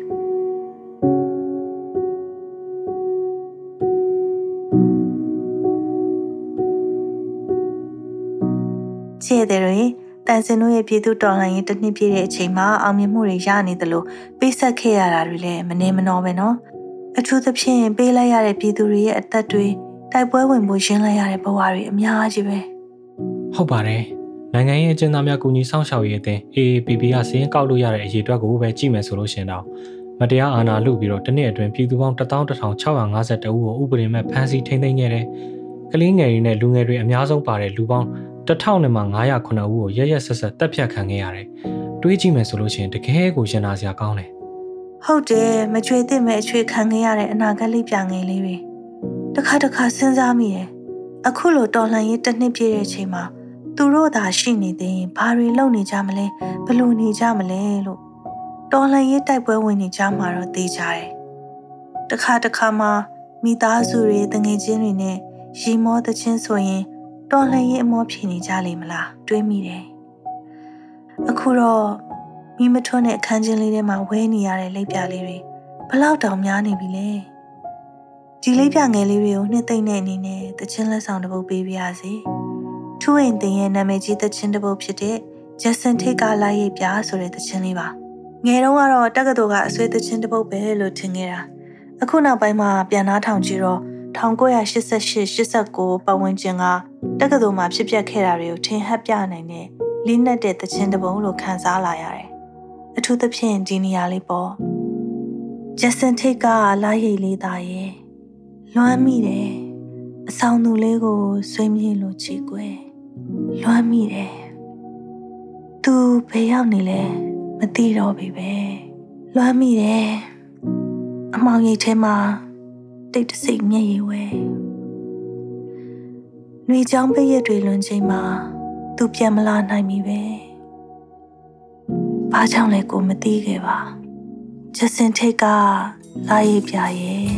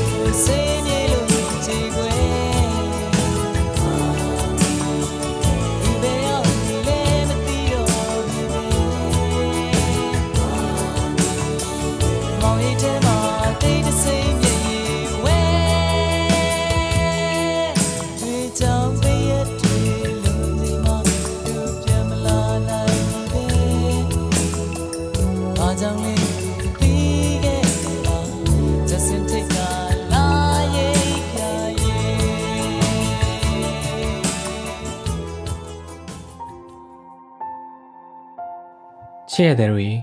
88ခုနှစ်ကတည်းကပြည်သူတော်လှန်ရေးမှာပါဝင်ခဲ့တဲ့လက်ပြလေးတွေကို88မျိုးဆက်ကိုမင်းကိုနိုင်ကတော့မိမိကိုယ်ကိုမျိုးစိတ်အဖြစ်ကျဲပတ်ခဲ့သူတွေလို့တင်စားထားပါတယ်။အခုကျွန်တော်တို့ခေတ်ရဲ့ຫນွေဦးတော်လှန်ရေးမှာတော့ကျွန်တော်တို့ကမိမိကိုယ်ကိုမျိုးစိတ်အဖြစ်ကျဲပတ်ခဲ့တဲ့သူတွေကိုကျေးဇူးတည်တဲ့အနေနဲ့တော်လှန်ရေးကိုသစ္စာရှိဖို့လိုပါတယ်။ကိုစီတန်မို့အပြည့်အဝသောကိုမျိုးစိတ်ကိုကျင်းရင်ကြာရနေရနေနောက်အနာဂတ်အတွက်အဆုံးသက်တိုက်ပွဲအောင်မြင်အောင်တိုက်သွားဖို့လိုတယ်။ ဒါအမှမကြွေတင်မဲ့ခြွေခံခဲ့ရတဲ့အနာဂတ်လိပ်ပြငယ်လေးတွေထပ်ပြီးတော့များမလာတော့မှာ။ဒီလိပ်ပြလေးတွေအတွက်ကိုမင်းကိုနိုင်က2023ခုနှစ်မှာရှစ်လေးလုံးအထိမ်းအမှတ်အဖြစ်နဲ့ရေးခဲ့တဲ့ငါတို့ရဲ့တစ္ဆာဆိုတဲ့ကြပြလေးကိုလက်ဆောင်ပေးပါရစေ။ကျွန်တော်တို့အတူတူဖတ်ပြပါမယ်နော်။ငါတို့သည်မိမိကိုယ်ကိုမျိုးစေ့အဖြစ်ကျဲပတ်ခဲ့သူအပေါင်း၏ဂျေစုဂုံကိုရည်မှတ်ပါ၏တရားမျှတလွတ်လပ်ခြင်းနှင့်တန်းတူညီမျှခြင်းတို့သည် ဤမြေ၌တည်ပါစေတည်းဒီမော်ယုံထဲဝင်လာတာရွှေသမင်လိုက်ဖို့မဟုတ်တစ်ခုတ်ဖို့မပါငါတို့ဟာကောင်းငင်ပေါ်မိုးရီညိုပိန်ငင်းငတ်တွေဝဲတာကိုမြင်ရောလဲကွက်ထဲထမိန်တူတူစီးဆင်းပြေးသွားတဲ့ကောက်စိတ်သမားလေးများလိုဒီမော်ယုံကိုဝင်ခဲ့တာတောမီလောင်လောင်တောကြောင်လက်ခမောင်းခက်ခက်ဒီမော်ယုံကိုဖြတ်ရမှာစင်လဲစင်အထွာကြွက်လဲကြွက်အထွာကိုယ်စီဒဏ်ရာတွေဒဏ်ရာတွေ ဒါပေမဲ့ငါတို့တန်မာနေတော့မယ်ငါတို့အတန်မာနေတော့မယ်တန်မာတဲ့အတန်ဝါကြီးတွေနဲ့ငါတို့ဒီလိုတန်ပြိုင်ဟစ်ဆိုလိုက်အောင်ပါငါတို့သည်မိမိကိုယ်ကိုမျိုးစိတ်အဖြစ်ကျဲပတ်ခဲ့သူအပေါင်း၏ကျေးဇူးဂုံကိုရည်မှတ်ပါ၏တရားမျှတလွတ်လပ်ခြင်းနှင့်ဒန်းတူညီမျှခြင်းတို့သည်ဤမြေ၌တည်ပါစေတည်းကဲချစ်တို့ရေ တန်စင်းအရာနေမပြန်ကျင်သေးဘူးဆိုတာသိပြီမဲ့အချိန်ကြပြီဆိုတော့ဒီနေ့တော့ဒီမှာပဲနှုတ်ဆက်လိုက်တော့မယ်နော်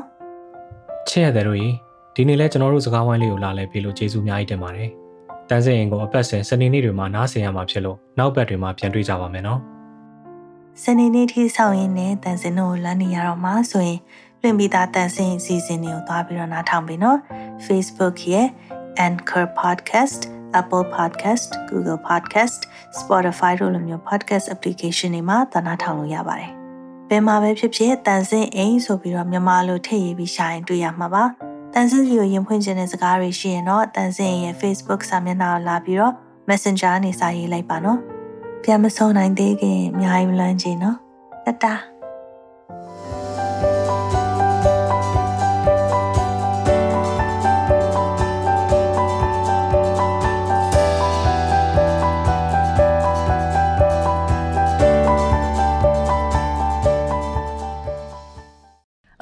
BNI စီစဉ်ကိုနားဆင်ကြရမှာပါ BNI ဝိုင်းတော်သားတွေကဆက်လက်တင်ဆက်ပေးသွားမှာပါ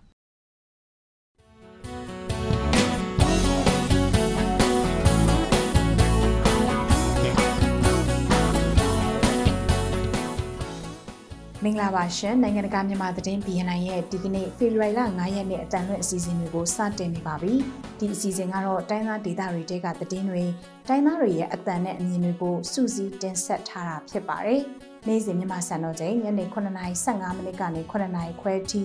တိုင်းတူ16မီတာ19.3 MHz မှာဖိုင်းယူနားထောင်နိုင်ပါတယ်ကျွန်မကအမီပါရှင်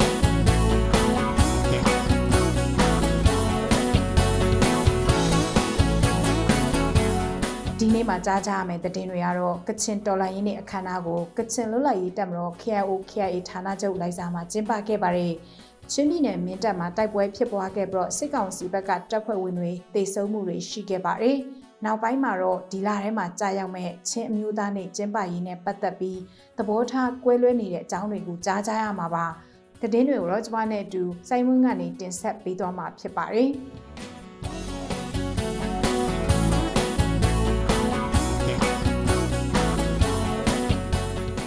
ဒီကနေ့ကြာရောက်တဲ့ကချင်လူလိုက်ရေးတပ်မတော်ဖွဲ့ရဲ့60တနည်းပြည့်တော်လှန်ရေးနေ့မှာ KIO အဖွဲ့ဟာ ဒေါ်တွင်းတော်လန်ရေးကနေနောက်တစ်ဆင့်တက်ပြီးနိုင်ငံတည်ဆောက်ရေးလုပ်ငန်းစဉ်တွေလှုပ်ဆောင်နေပြီလို့ KIO ဥက္ကဋ္ဌဗိုလ်ချုပ်ကြီးအမ်ဘန်လာကပြောကြားလိုက်ပါတယ်။ကချင်တော်လန်ရေးနေ့အခမ်းအနားမှာလက်ရှိနိုင်ငံရေးအခြေအနေနဲ့ပတ်သက်ပြီးကချင်လူလိုက်ရေးအဖွဲ့ KIO ဥက္ကဋ္ဌကကချင်ပါတာနဲ့ပြောကြားတဲ့မြင့်ခွန်းမှာအခုလိုထည့်သွင်းပြောကြားလိုက်တာဖြစ်ပါတယ်။တပြင်အာနာရှင်ကိုတော်လာနေသူတွေအနေနဲ့ကိုယ့်အစီအစဉ်နဲ့နာမည်တက်လုပ်နေတာမျိုးမဟုတ်ပဲအမျိုးသားညီညွတ်ရေးအစိုးရ NUG ကိုဝန်ရံဖို့လိုအပ်တယ်။ဒီလိုမဟုတ်ဘူးဆိုရင်ရေရှည်မှာပြဿနာတွေဖြစ်ပေါ်လာနိုင်တယ်လို့လည်းထည့်သွင်းဖော်ပြသွားပါတယ်အခုကစစ်ကောင်စီလက်အောက်မှာစစ်မှုထမ်းနေတဲ့စစ်အရာရှိတွေနဲ့တပ်မတော်သားတွေအားလုံးဟာပြည်သူလူထုဘက်အမြန်ရက်တီဖို့လိုအပ်တဲ့အကြောင်းနဲ့လက်ရှိအချိန်မှာစစ်တပ်ရဲ့လှုပ်ဆောင်ချက်တွေကိုဆန့်ကျင်တော်လှန်ရမယ့်အချိန်ဖြစ်တယ်လို့လည်းတိုက်တွန်းပြောဆိုသွားပါတယ်။ ဆေးလျှောက်တိုက်ပွဲတွေပုံမပြင်းထန်လာနိုင်တယ်လို့ဒေတာအတွင်းဆေးရှောင်လူရည်တွေလည်းပုံမများပြားလာနိုင်တဲ့အတွက်ကိုဒေတာအတွက်စားနပ်ရိက္ခာဖူလုံမှုရှိအောင်စားတော့ကုန်တွေထုတ်လုပ်ဖို့နိုင်ငံရေးကြက်တဲမှုအပေါ်အခွင့်ကောင်းယူပြီးကိုဂျိုးစီးပွားရေးလှုပ်ဆောင်တာတွေရှောင်ရှားကြဖို့မိန့်ခွန်းထဲမှာထည့်သွင်းပြောဆိုထားပါတယ်စစ်တပ်ကအာဏာသိမ်းပြီးတဲ့နောက်ကချင်ပြည်နယ်အတွင်းရှိခရိုင်နဲ့မြို့နယ်အသီးသီးမှာအုပ်ချုပ်ရေးတာဝန်ထမ်းဆောင်နေတဲ့ KIO ရာရှိတွေအနေနဲ့လည်းချမှတ်ထားတဲ့တရားဥပဒေနဲ့အညီလှုပ်ဆောင်သွားဖို့လိုအပ်တယ်လို့မိန့်ဆိုသွားပါတယ်စစ်အာဏာရှင်တွေနဲ့နိုင်ငံရေးအရဆွေးနွေးဖို့မရှိကြောင်းနဲ့စစ်အာဏာရှင်စနစ်အောက်မှာတပ်ဖြတ်ချင်းချမှုသာရှိမှဖြစ်တယ်လို့လည်းဖော်ပြထားပါတယ်ချင်းပြည်နယ်မင်းတပ်မြို့နယ်မှာဖေဖော်ဝါရီလ၄ရက်နေ့နေ့လယ်ပိုင်း2နာရီအချိန်လောက်ကစပြီးတော့မင်းတပ်မတူပီလမ်းမှာစစ်ကောင်စီတပ်ဖွဲ့နဲ့ CDF မင်းတပ်တို့ကြားမှာတိုက်ပွဲဖြစ်ပွားနေပြီးစစ်ကောင်စီဘက်ကတပ်သား9ယောက်လောက်တေဆုံးသွားခဲ့တယ်လို့ CDF မင်းတပ်ပြောရေးဆိုခွင့်ရှိသူဆလိုင်းရောမန်ကပြောပါတယ်။ စစ်ကောင်စီတပ်သားတွေကို CDF မင်းတပ်ကခြုံခိုတိုက်ခိုက်ခဲ့တာဖြစ်တယ်လို့လည်းပြောပါရယ်ဒီလိုခြုံခိုတိုက်ခိုက်ခံခဲ့ရတဲ့အပြင် CDF မင်းတပ်ကထောင်ထားတဲ့မိုင်းတချို့ကိုနင်းမိပြီးတော့အခုလိုမျိုးထိခိုက်ဒေဆုံးရတာဖြစ်တယ်လို့စလိုင်းရောမန်ကပြောပါရယ်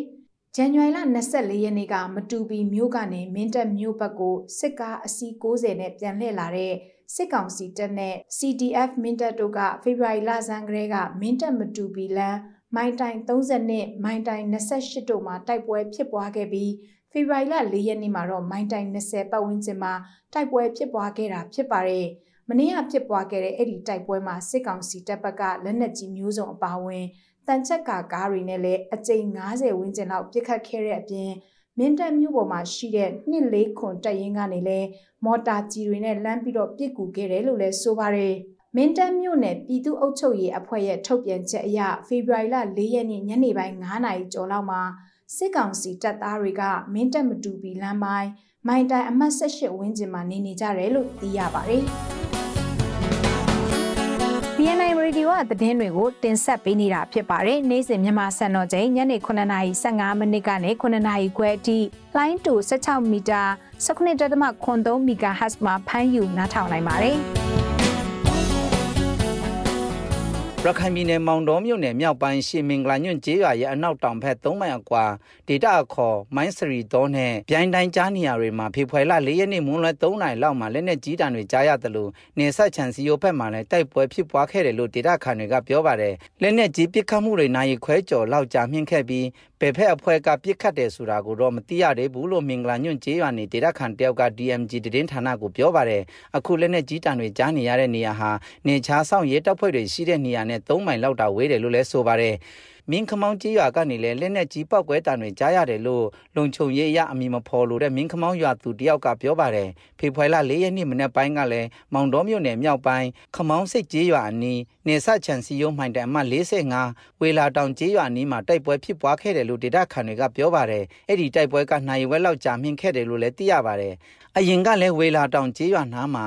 အာဆာလက်နက်ကန်အဖွဲ့နဲ့နေချားဆောင်ရဲတပ်ဖွဲ့တွေတိုက်ပွဲဖြစ်ပွားခဲ့ပြီးအခုလက်ရှိဖြစ်ပွားတဲ့တိုက်ပွဲကတော့ပယ်အဖွဲ့ကြားကဖြစ်ပွားခဲ့တယ်ကိုတော့မသိရသေးဘူးလို့မောင်တော်လူတော်ကိုစလေဟောင်း ဦးမောင်အောင်က DMG ကိုပြောပါတယ်တိုက်ပွဲဖြစ်ပွားမှုဖြစ်စဉ်နဲ့ပတ်သက်ပြီးရခိုင်ပြည်နယ်လုံခြုံရေးနဲ့နေဆက်ရေးရဝင်ကြီးပုံမှုကြီးကျော်တူရကို DMG ကတယ်လီဖုန်းဆက်သွယ်မြင်းမြန်းခဲ့ပေမဲ့တိုက်ပွဲနဲ့ပတ်သက်ပြီးတစုံတရာဖြေကြားတာမရှိပါဘူးမောင်တော်မြို့နယ်နဲ့ဘင်္ဂလားဒေ့ရှ်နယ်စပ်တို့မှာအာဆာအဖွဲ့တွေစိတ်ဝင်လှုပ်ရှားမှုရှိနေပြီးမကြာခဏဆိုသလိုစစ်ကောင်စီတပ်ဖွဲ့ဝင်တွေနဲ့ထိတွေ့တိုက်ပွဲဖြစ်ပွားနေတယ်လို့ဒေတာခန်တွေကဆိုပါတယ် ကရင်ပြည်နယ်ဖပွန်ခရိုင်ထဲမှာစစ်ကောင်စီတပ်ကလေရင်နဲ့ဘုံကျဲမှုကြောင့်အရက်သား2ယောက်သေဆုံးပြီးတော့3ယောက်ထိခိုက်ဒဏ်ရာရရှိခဲ့တယ်လို့သိရပါတယ်။ကရင်မျိုးသားအစည်းအရုံး KNU မူဒရဖပွန်ခရိုင်ဒွယ်လိုမြို့နယ်မာထောအုပ်စုတဒွန်ခို့ကျေးရွာမှာဖေဖော်ဝါရီလ၄ရက်နေ့မနက်အစောပိုင်းတနာရီအချိန်လောက်ကစစ်ကောင်စီတပ်ကလေရင်နဲ့ဘုံနှလုံးလာရောက်ကျဲခဲ့တဲ့အတွက်ရွာသား2ယောက်သေဆုံးခဲ့ရပါတယ်။ ကလေးငယ်အပါအဝင်ရွာသား6ယောက်လည်းထိခိုက်ဒဏ်ရာရရှိခဲ့တယ်လို့ KNU မူတရခိုင်သတင်းစင်က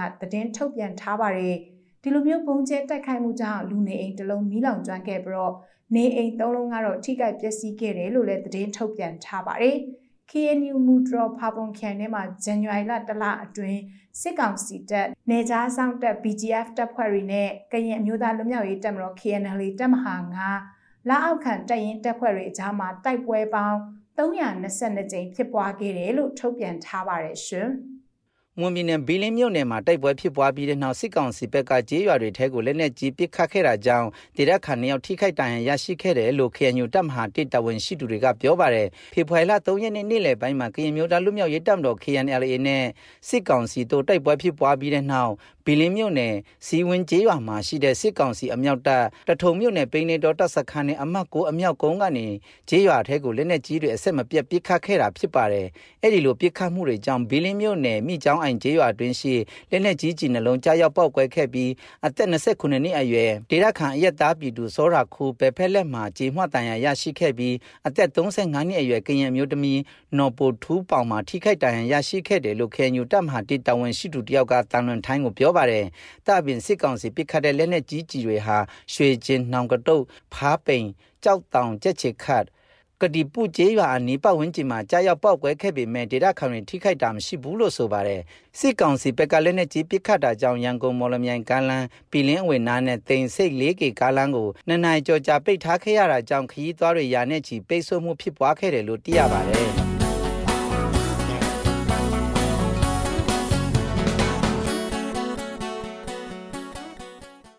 ဆက်ပြီးတော့သတင်းလွှာတွေကိုတင်ဆက်ပြီးသွားမှာပါမွန်ပြည်နယ်မှာအာဏာသိမ်းပြီးတဲ့နောက်တနစ်တာကာလအတွင်းလူမှုကယ်ဆယ်ရေးအဖွဲ့တွေဆက်လက်ရည်တည်ဖို့ပို့ပြီးတော့အခက်အခဲရှိလာတယ်လို့လူမှုကယ်ဆယ်ရေးအဖွဲ့တာဝန်ရှိသူတွေကပြောပါတယ်ဒီအကြောင်းကိုတော့တန်လွင် time သတင်းဌာနကကိုနောင်ခန့်ကအသေးစိတ်စုစည်းပေးထားပါတယ်ရှင်လူမှုကယ်ဆယ်ရေးအဖွဲ့တွေဟာစစ်တပ်အာဏာသိမ်းပြီးနောက်73စီစင်းလုံးဆက်တိုက်မြင့်တက်လာတာအလှူရှင်လက်ပါနာတာနဲ့စစ်ကောင်စီရဲ့ကန့်တန့်ချက်တွေကြောင့် ဆက်နက်ရက်တည်ဖို့ခက်ခဲလာကြတာပါ။လက်ရှိမှာတော့လူမှုကယ်ဆယ်ရေးအဖွဲ့တွေဟာစစ်ကောင်စီရဲ့ကန့်သတ်ချက်တွေကြောင့်လွတ်လပ်စွာလုပ်ပိုင်ခွင့်ဆုံးရှုံးနေသလို73စီစဉ်လုံးကြောင့်ရေရှည်ရပ်တည်ဖို့အခက်အခဲရှိနေတယ်လို့လူမှုကယ်ဆယ်ရေးအဖွဲ့တာဝန်ရှိသူတဦးကပြောပါတယ်။“အာဏာသိမ်းတဲ့နောက်ပိုင်းမှာဆိုရင်အကုန်လုံးကကျနော်တို့ကလွတ်လပ်စွာလုပ်ပိုင်ခွင့်မရှိဘူး။ဘာမှလုပ်ပိုင်ခွင့်မရှိဘူး။ကျနော်တို့အခုဆိုရင် ရဲလည်းကြောက်နေတာ၊စစ်တပ်လည်းကြောက်ရ။အခုလမ်းကြောင်းသွားရင်ကလေးတွေကိုစိတ်ချလက်ချနဲ့လွှတ်လို့မရဲဘူးဖြစ်နေတာပေါ့ဟိုကဆိုဆီဖိုးပိုက်ဆံ၆သောင်းရှိရင်ရန်ကုန်သွားပြန်ရတယ်။အခုဆိုပိုက်ဆံတစ်သိန်းသုံးသောင်းမရှိဘူးသွားပြန်သွားလို့မရဘူး။ဟိုတုန်းကဆိုရင်တော့ငွေရေးကြေးရေးစကားပြောစရာမလိုဘူး။နေရာတိုင်းကိုသွားပြီးနိုင်တယ်။အခုနောက်ပိုင်းကျတော့ငွေရေးကြေးရေးစကားတွေပြောလိုက်ရတယ်ပေါ့။ဘာဖြစ်လို့ပြောလိုက်ရလဲဆိုတော့ကျနော်တို့မှာလည်းဘတ်ဂျက်မှုမရှိဘူး။အလှူရှင်လည်းမရှိဘူး။”ဒါ့အပြင် လူမှုကယ်ဆယ်ရေးအဖွဲ့တွေဟာ ကယ်ဆယ်ရေးလုပ်ငန်းတွေ ဆောင်ရွက်ရာမှာ စစ်ကောင်စီတပ်ဖွဲ့ဝင်တွေကို အကြောင်းကြားပြီးမှ သွားလာနေရတဲ့အတွက်ကြောင့် အချိန်ကြန့်ကြာမှုတွေ ရှိနေသလို နယ်ဝေးပို့ဆောင်တဲ့နေရာမှာနဲ့ညမထွက်ရအမိန့်တွေကြောင့်မတည်တင့်ပဲတည်ဆုံရတဲ့ လူနာတွေ ရှိနေတယ်လို့ ဆိုပါတယ်။ခုလိုခြေနေတွေကြောင့်နမှုကယ်ဆယ်ရေးလုပ်ငန်းတွေရန်လာဖို့ စဉ်းစားလာရတယ်လို့နမှုကယ်ဆယ်ရေးအဖွဲ့ တာဝန်ရှိသူတဦးက ပြောပါတယ်။အာနာမသိငယ်တော့ဟိုရင်လန်ခီရတော့ ချိန်24နာရီသွားတယ်အလဲရတော့ လူလူနာရီအတွက် အဆင်ပြေတယ်လေဟိုအခုအချိန်က အချိန်ကခဏဆိုတော့ လူနာရီအတွက်လည်း အဆင်ပြေကျွန်တော်တို့ ပို့လိုက်လို့တော့မစင်အဆင်မပြေဘူးနော်စီစည်းကြည့်ရတော့ကျွန်တော်တို့ကလေးလူနာရီကိုဟို ပြန်ပို့ရတာလည်း အဆင်မပြေဘူးပြန်ဟိုစေအောင်စေအောင်တက်ကူရလည်း အဆင်မပြေဘူးနေဝေးလမ်းကြောင်းနဲ့ပို့ရတာလည်း အဆင်မပြေဘူးခက်ခဲရတော့ အများကြီးပဲတကယ်တကယ်စီဖို့တော့မတတ်နိုင်လို့အတင်းတော့ရက်ကျင်တယ်တစ်ဖက်မှာတော့နမှုကယ်ဆယ်ရေးအဖွဲ့ဝင်တွေကို စစ်ကောင်စီက နိုင်စင်မဲ့ရင်အတုံးမပြုဖို့ညွှန်ကြားထားတဲ့အတွက်ကြောင့် မော်တော်ယာဉ်အခက်အခဲရှိလာပြီး အရင်ထက် လူမှုကယ်ဆယ်ရေးလုပ်ငန်းတွေကို ကူညီမှု ထက်ဝက်နီးပါး ရပ်နားလာရတယ်လို့ ဆိုပါတယ်။ဆက်ပြီးတော့ စစ်မှတ်တွေဖြစ်ပွားနေတဲ့ ချင်းပြည်နယ်မှာ84နှစ်မြောက် ချင်းအမျိုးသားနေ့ကို စစ်ကောင်စီက ချင်းပြည်နယ်ရဲ့မြို့နယ်တိုင်းမှာ ကျင်းပပြုလုပ်ဖို့ စီစဉ်နေတယ်လို့ သိရပါတယ်။တစ်ဖက်မှာလည်း ချင်းပြည်သူ့ကာကွယ်ရေးတပ်ဖွဲ့က စစ်ကောင်စီကလုံမဲ့ချင်းအမျိုးသားနေ့မှာပြည်သူတွေအနေနဲ့ပူးပေါင်းပါဝင်တာမျိုးတွေမလုပ်ကြဖို့ထုတ်ပြန်ထားပါတယ်။အသေးစိတ်ကိုတော့ကိုရောဘက်ကစုစည်းပေးထားပါတယ်။ ဖေဖော်ဝါရီလ20ရက်နေ့မှာကြာရောက်မဲ့84နှစ်မြောက်ချင်းမြို့သားနေ့အခမ်းအနားကိုအာနာသိန်းစစ်ကောင်စီကထန်တလန်မြို့ကလွဲပြီးချင်းပြည်နယ်ရှစ်မြို့နယ်စလုံးမှာကျင်းပပြုလုပ်ဖို့စီစဉ်နေပြီးအဲ့ဒီခမ်းနားအတွက်တမြို့နယ်ကို320ထိဘတ်ဂျက်ချထားပေးမယ်လို့ချင်းပြည်နယ်စစ်ကောင်စီဝန်ကြီးဦးကြုံငင်းကပြောပါတယ်။မြို့နယ်အားလုံးတော့လုပ်ပါလို့ကျွန်တော်ပြောရတယ်။အဲ့ဒါဟိုကတမြို့နယ်ကိုခရိုင်မြို့ဆိုလို့ရှိရင်ကျွန်တော်က320ပန့်ပိုးမယ်။ရိုးရိုးမြို့နယ်ဆိုလို့ရှိရင်15သိန်းပန့်ပိုးမယ်ပြောထားတယ်။ထန်တလန်တော့မရဘူးခင်ဗျာထန်တလန်ကထန်တလန်ကမြို့ပြက်နေပြီလေမြို့မှာသူကမရှိတော့တာ အရင်တုန်းကတော့ ကျင်းပနေပါလားမရှိဘူးခင်ဗျပေထောင်စုဆင့် ဝန်ကြီးတွေလည်းဖိဖို့မှန်းထားပါတယ်တချိန်တည်းမှာပဲချင်းပြည်သူ့ကကွေတပ်ဖွဲ့တွေကတော့စစ်ကောင်စီကဦးစီးကျင်းပမဲ့ချင်းမျိုးသားနေ့အစီအစဉ်မှာပြည်သူတွေအနေနဲ့ပူးပေါင်းမပါဝင်ကြဖို့ချင်းပြည်သူ့ကကွေပူးပေါင်းကော်မတီ CDJC ပြောရေးဆိုခွင့်ရှိသူကပြောပါတယ်ချင်းမျိုးသားနေ့ဆိုတဲ့ဟာကကျွန်တော်တို့ချင်းလူမျိုးတွေရဲ့ထွတ်တိတ်ထားတဲ့နေ့ဖြစ်တယ်အဲ့ဒါအခုလောလောဆယ်ကတော့ကျွန်တော်ချင်းပြည်မှာအားလုံးစစ်တိုက်နေကြတဲ့အချိန်မှာဒီလိုမျိုးစစ်ကောင်စီကနေကျွန်တော်တို့တနုသားလုံးရဲ့အဲ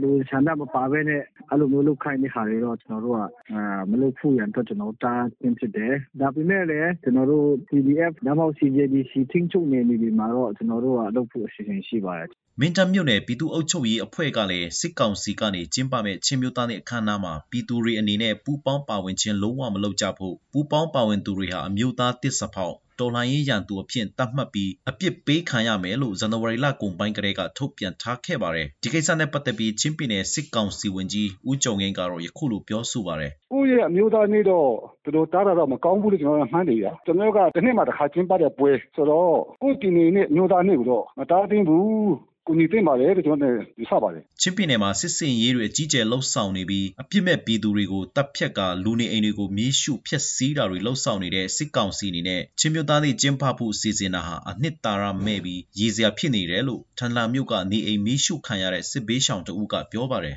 ချင်းမျိုးသားနေဆိုတာတော့ကျွန်တော်ချင်းတွေက အုပ်စုတစု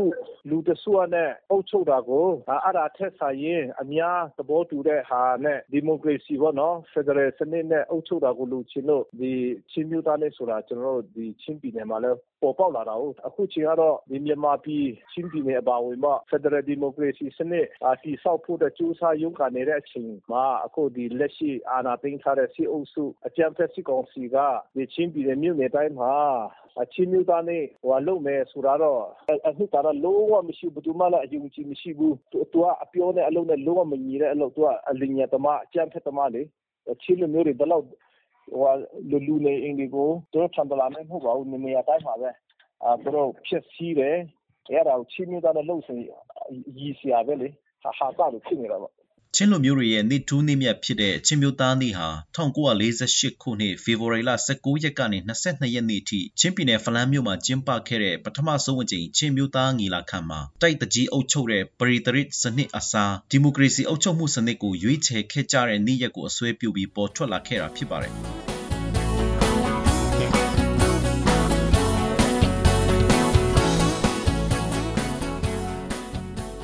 နားဆင်ခဲ့ကြရတာကတော့ BNI Radio ကနေ့စဉ်သတင်းအစီအစဉ်ပဲဖြစ်ပါတယ်။ဒီအစီအစဉ်ကိုနေ့စဉ်မြန်မာစံတော်ချိန်ညနေ9:15မိနစ်ကနေ9:00ခွဲအထိ15မိနစ်ကြာထုတ်လွှင့်နေတာဖြစ်ပါတယ်။နားဆင်ပေးတဲ့အတွက်ကျေးဇူးတင်ပါတယ်ရှင်။ကျွန်မကအမီပါ။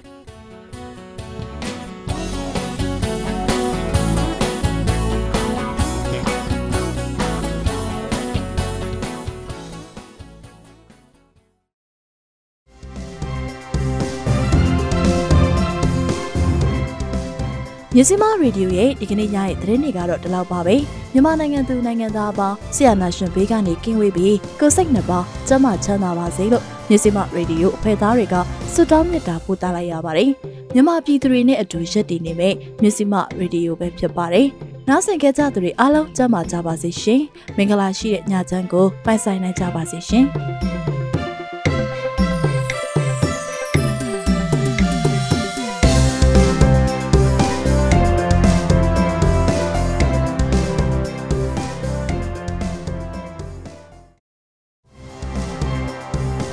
မတို့ရဲ့မြစီမရေဒီယိုကိုနေ့စဉ်ည6နာရီခွဲမှည9နာရီခွဲထိလိုင်းဒိုမီတာ16မီတာ